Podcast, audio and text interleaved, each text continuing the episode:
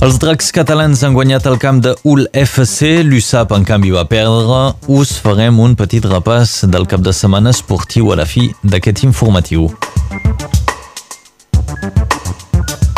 El Tribunal Suprem espanyol no veu cap causa d'ineligibilitat contra Puigdemont, Comín i Ponsatí de cara a les eleccions europees.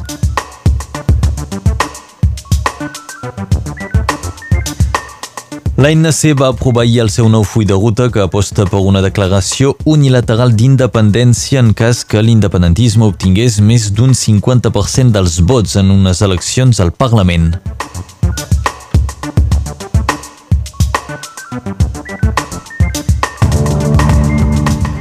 El vent ha bufat fort aquell cap de setmana amb ràfegues de vent de tramuntana que ha assolit fins a 120 km per hora al cap de Biara.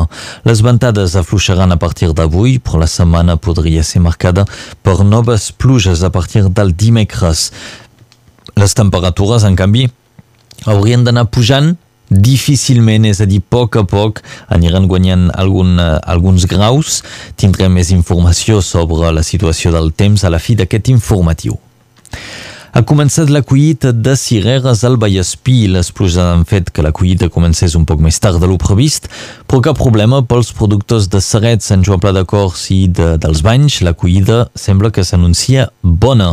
En total són uns 80 productors que enguany podrien collir fins a 150 tones de cireres contra 130 per l'any passat. El Tribunal Suprem espanyol no veu motius per impedir que Puigdemont, Comín i Ponsatí siguin candidats a les eleccions europees. Així ho ha decidit l'alt tribunal que torna a enviar el cas al jutjat contenciós administratiu de Madrid que haurà de prendre la decisió definitiva. El Tribunal Suprem declara que el cas no és competència seua i ordena al jutge que resolgui immediatament el cas, tot precisant que no hi ha causa d'ineligibilitat.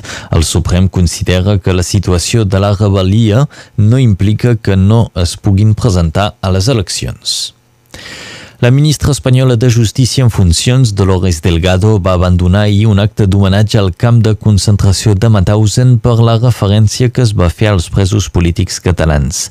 La directora general de Memòria Democràtica de la Generalitat, Gemma Domènech, va recordar que una placa d'homenatge va ser col·locada fa dos anys per, pel llavors conseller d'Afers Exteriors Raúl Romeva, a qui es va referir com a pres polític. La ministra espanyola ha criticat l'expressió com un acte d'exclusió que xoca amb els valors que van sorgir d'aquell camp d'extermini.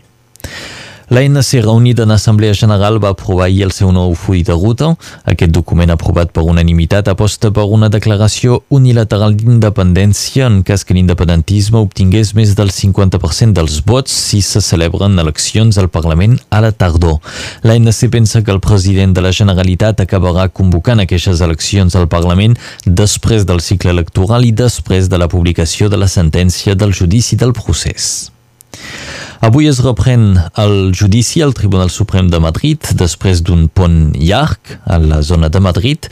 Des d'avui fins dijous, doncs, s'espera que declarin fins a 56 votants de l'1 d'octubre, a més de representants polítics o sindicals, com és el cas, per exemple, de Xavier Trias, l'exalcalde de Barcelona i també exconseller de la Generalitat.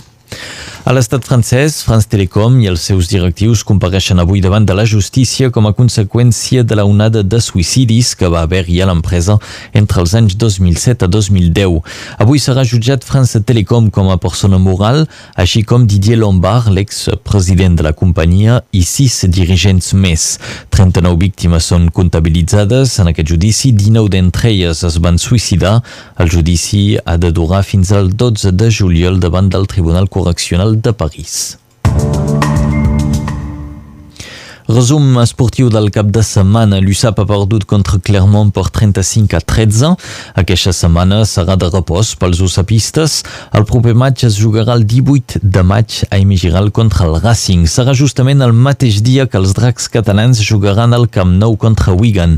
Mentrestant, els dracs van tornar a guanyar divendres contra Hull FC per 6 a 37.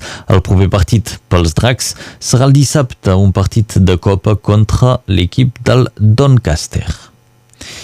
I l'equip reserva dels Dracs, el Sant Esteve 13 català, s'ha classificat per la final de la Copa de França després de vèncer Limus per 42 a 12.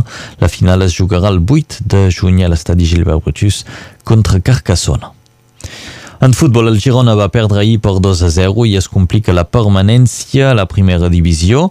I el Barça va perdre per 2 a 0 també contra el Celta de Vigo, una derrota sense gran importància, ja que el Barça és campió de Lliga. La mala notícia ha estat la lesió de Dembélé, que es perdrà el partit de demà contra el Liverpool.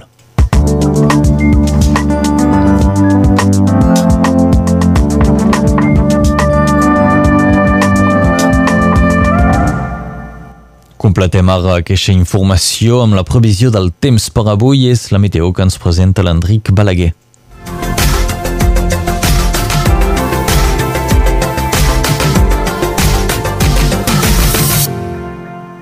Temps assolellat sobretot a Catalunya Nord. La tramuntana, que s'ha calmat durant la nit, es tornarà a despertar a la matinada amb ràfegues que podrien arribar a 50 o 60 km per hora.